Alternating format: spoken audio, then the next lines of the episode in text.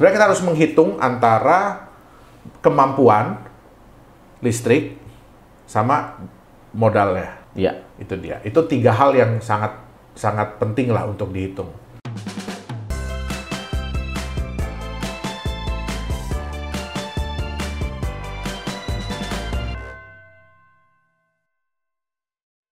Hai, saya Tom MC Flip, founder Top Coach Indonesia. Kita hari ini akan membahas mengenai gimana cara menambang uh, koin-koin yang saat ini sedang booming dan bagaimana caranya Anda bisa memiliki pertimbangan-pertimbangan agar Anda tidak salah dalam memilih keputusan. Ya, jangan-jangan nanti keluar duit udah besar tapi ternyata tidak mampu memberikan return yang Anda harapkan. So, kita masih bersama Pak Yohanes. Pak Yohanes, ya.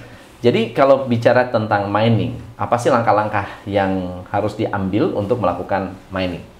Jadi yang pertama adalah tentu saja memilih perangkat yang tepat. Perangkat. Apakah kita mau pakai GPU, video card ya biasa kalau yeah. disebut itu video card, atau kita mau pakai alat yang memang dedicated okay. untuk mining, yaitu okay. ASIC. Ada beberapa aset kripto itu yang memang tidak bisa di mining dengan teknologi ASIC. Oke. Okay. Ya dulu itu Ethereum nggak bisa hmm. dengan teknologi ASIC, jadi harus pakai GPU. Tapi sekarang sudah mulai ada alat-alat ASIC nih yang dibuat untuk Ethereum. Ethereum. Jadi yang pertama kita harus lihat itu dulu coach, ya alatnya dulu. Setiap alat itu punya hash rate, jadi berapa besar kemampuan mereka dalam mengelola data, okay. mengelola perhitungan hash rate ini sangat penting hmm. karena di mining itu kita berkompetisi. Hmm. Siapa yang memiliki hash rate paling besar, dialah yang paling punya peluang okay. untuk uh, menang. Yeah. Nah, terus yang kedua adalah yang harus kita lihat listrik. Hmm. Ya, biaya listrik. Kenapa? Karena ini rata-rata mesin-mesin ini ya, itu listriknya besar. Nah, bisa minimum itu 1000 watt, ada yang sampai 2500 sampai 3000 watt satu okay. mesin. Nah, terus problem yang ketiga adalah mesin ini panas. Hmm. Panas dan bising. Ya. Yeah. Ya, jadi kalau Coach Tom nanti boleh kita ajak ya ke tempat kita lihat mesin. Iya. Yeah. Itu suaranya udah kayak suara turbin. Hmm. Ya, satu aja udah berisik. Apalagi bisa dibayangkan kalau tempatnya besar, jumlahnya banyak. Nah, panas. Nah, panas ini harus bisa dikelola dengan baik. Ya. Kenapa? Alat-alat ini ya sangat sensitif terhadap panas. Hmm. Jadi ada uh, panas maksimum yang bisa ditolerir. Oke. Okay. Nah, kalau nggak apa dia? Rusak alatnya. Berat. Uh. Alatnya rusak. Nah, karena gini, kebanyakan alat-alat itu dia punya sirip pendingin ya, kalau kita bilang sirip pendingin. Nah, sirip pendingin ini ditempelin di IC-nya. Nah, kalau dan IC ini nempelnya biasanya cuma pakai lem. Hmm. Nah, jadi kalau panasnya berlebih, biasanya ini cap copot, coach. Oh, I see. Sirip pendinginnya kok copot. Nah, begitu sirip pendinginnya copot, dia nggak ada sirip pendingin. Nah, ini kan otak. Betul. Nah, kita sendiri tahu kan kalau manusia juga kalau panasnya berlebihan, kan yang paling takutin ya kalau apalagi anak-anak ya, yeah. kalau demamnya berlebihan adalah apa? Sel-sel otaknya ada yang rusak. Rusak. Nah, sama hmm. dengan ini. Nah, jadi okay musuh utamanya itu adalah uh, panas sama debu. Oke. Okay. Nah, sehingga ya mungkin kadang-kadang kita harus pakai AC. Berarti tempat harus tertutup. Betul. Dan bersih. Perlu ada yang ngawasin ya. perlu ada yang ngawasin. Ngeliatin, betul. ngawasin. Ya.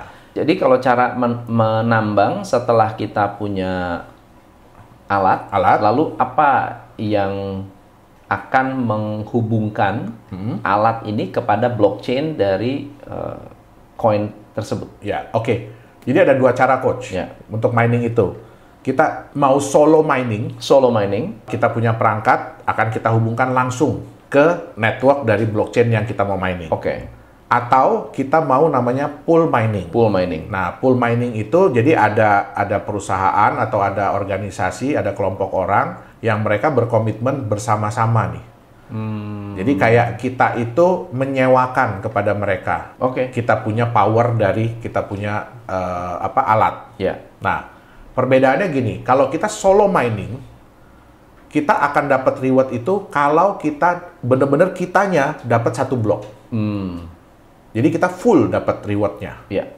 Tapi kalau di uh, pool mining, kesempatan kita untuk dapat lebih besar. Iya. Kenapa? Karena kan uh, udah ngumpul nih. Iya, iya, Powernya kan udah ngumpul. Ya, sama kayak ibarat kata gini. Kalau kita mau narik sesuatu, kita pakai mobil kita sendiri, sama kita narik sesuatu pakai mobilnya rame-rame. Rame-rame. Nah, kemungkinan kita dapat lebih besar. Tetapi di pool mining, ya, kita share. Jadi, contoh, misalnya Coach Tom punya eh, power mining 11 eh, 11 terahash, ya, 10 terahash lah. Terus kekuatan total dari tempat itu 1000 terahash. Berarti Coach Tom punya eh, share itu adalah satu persen. Jadi kalau pool mining ini dapat si pool miners ini dapat satu blok, dia akan bagi.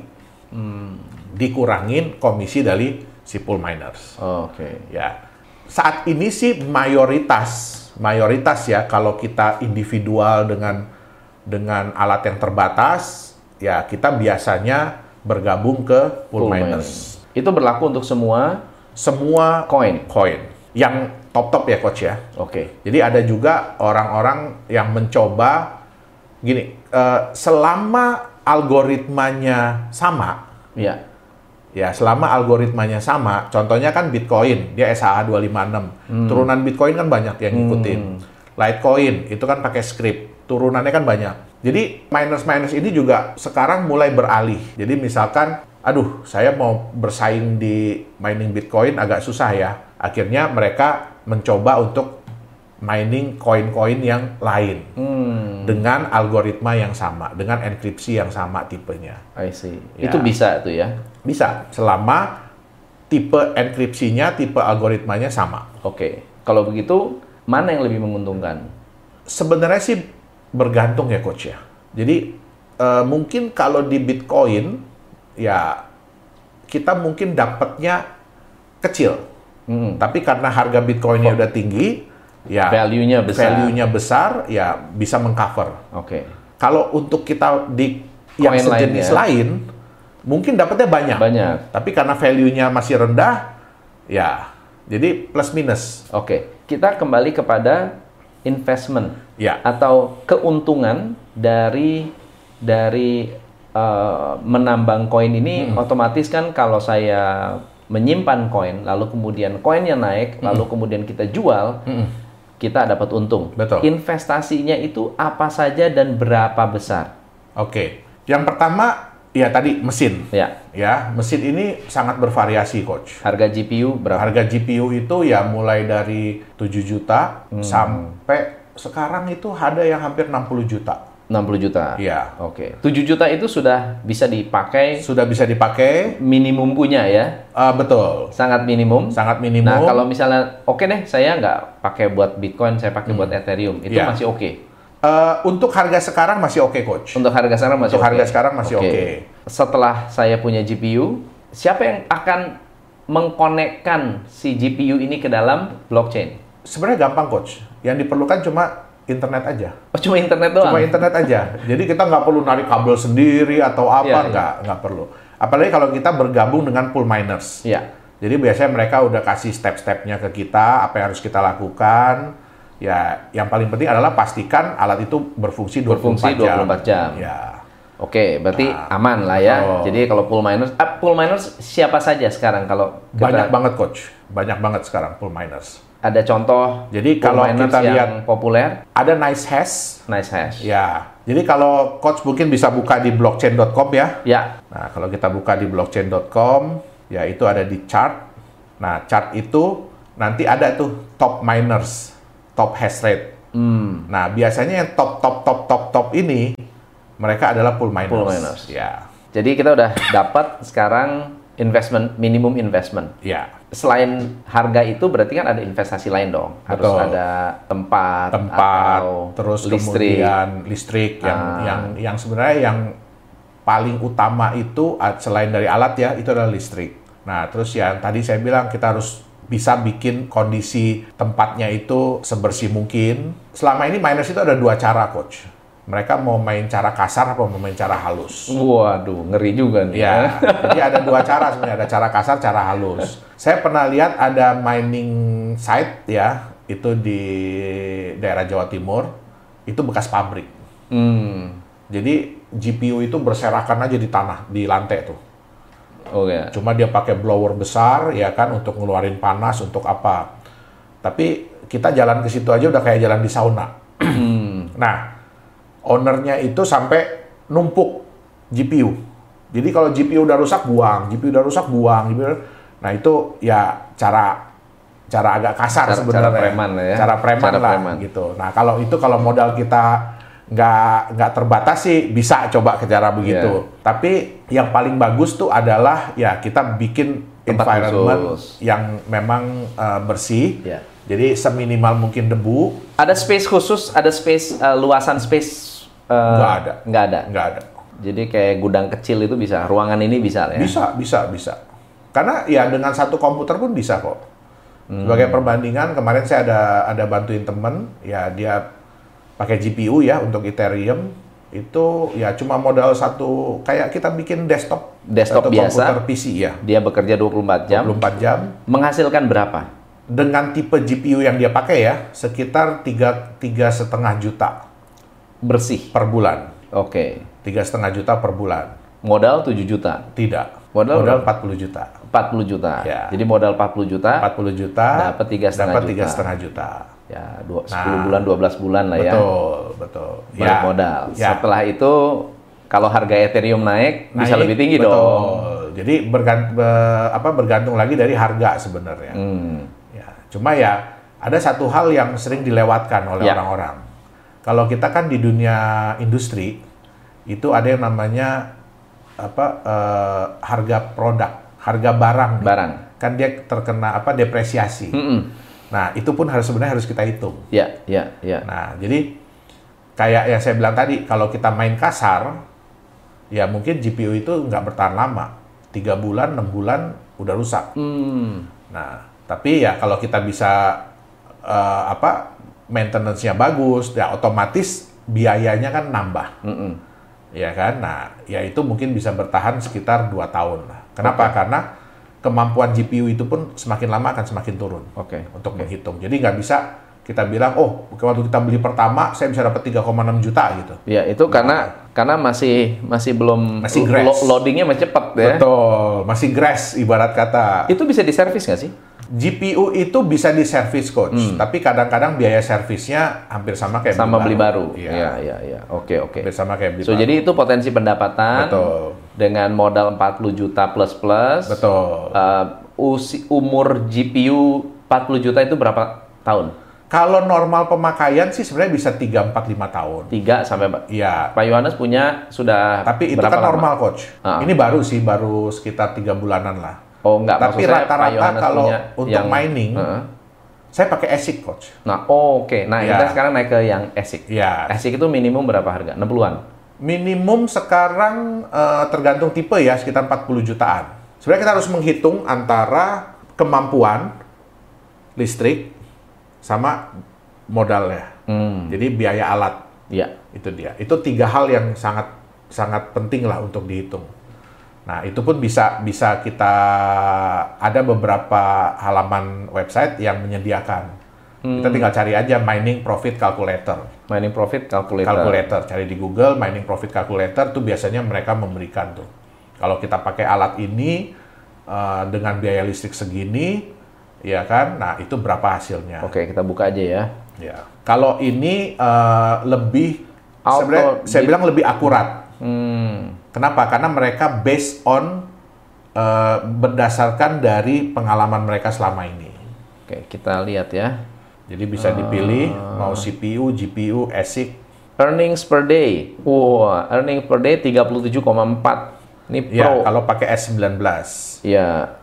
Oke, ASIC ya. Ya, betul. 37 dolar belum dihitung dengan eh, biaya listrik. Oke. Ya. Ya, not bad lah, 20 Ya. 28 dolar per day, per day.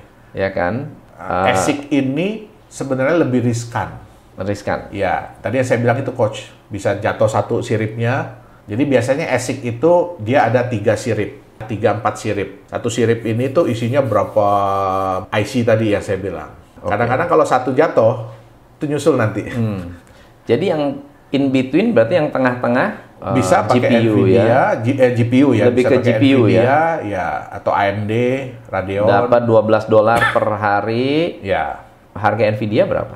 Ini tergantung tergantung ini ya, tergantung supply and demand ya. Betul. Nah, ini yang kadang-kadang agak menyedihkan, coach. Ya, karena kita sendiri pun, ya karena saya pun kan ada ngembangin software ya, software Iya. developer, kita juga sering bikin video apa. Jadi kadang-kadang kita juga sedih, coach. Karena karena meningkatnya permintaan GPU ini sampai-sampai GPU yang normal kita mau pakai buat bukan mining pun ya mau nggak mau harganya jadi ikut naik. Iya, iya. Ya, dan itu lumayan jauh ya dibanding dengan harga normal dulu ya. Benar, Itu benar. lumayan jauh. Ada nggak teknisi khusus yang atau konsultan khusus yang membantu dari sisi eh, mining? Ada. Ada. Ada. Ada ada sebenarnya tapi mereka lebih ke freelance ya. Oh, Ya, jadi sebenarnya hampir semua praktisi IT mereka bisa untuk men-set up, memonitor dari eh, mining ini. Jadi rekomendasi untuk mining sebetulnya masih menguntungkan asal Masih mengerti menguntungkan. tekniknya. Betul. Asal, Asal- pilih produk yang tepat. Ma, benar. Memilih produk yang tepat supaya tidak salah eh, memutuskan. Betul. Sekaligus kita juga harus tahu konsekuensi tentang Betul. eh, balik modalnya tuh kapan dan Betul. berapa lama. Betul. Oke. Nah, kalau istilah kita jalan Ah, jalan eh, ya berani nekat aja yang mana yang bisa dibilang untuk beginners untuk beginners untuk belajar ya Iya. ini para beginners Eh, gimana kita bisa modal berapa yang paling paling eh, realistis ya Iya.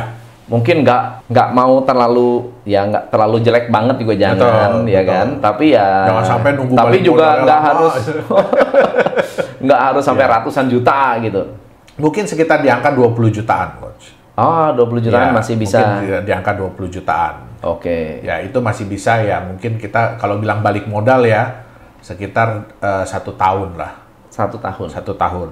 Ya, tapi ya itu tadi dengan eh, perawatan yang cukup. I see. Ya, jadi paling enggak ya mungkin sebulan sekali dibongkar, dibersihin, ya kan debu-debunya disedot, dihilangin. Terus juga ruangannya jangan terlalu panas. Buat yang punya modal lebih baik langsung main rig aja Main rig, betul. ya daripada nanggung-nanggung ya. Betul. Langsung 5 10 Betul. GPU Ya, uh, lebih worth it ya karena Lebih worth it. capeknya sama. capeknya sama, betul. Iya. Wah, thank you banget. Sama-sama. Berarti next time kita perlu uh, bahas mengenai uh, risiko. Siap. Iya kan? Berarti kan n- jangan lihat untungnya doang nih, Betul, teman-teman. betul, betul. Jangan lihat untungnya doang, banyak risikonya. Iya. Apa apa apa saja risiko-risiko yang harus Anda pertimbangkan Betul. untuk cuan dari mining. Oke, next time kita akan sambung. Hanya di Top Coach Indonesia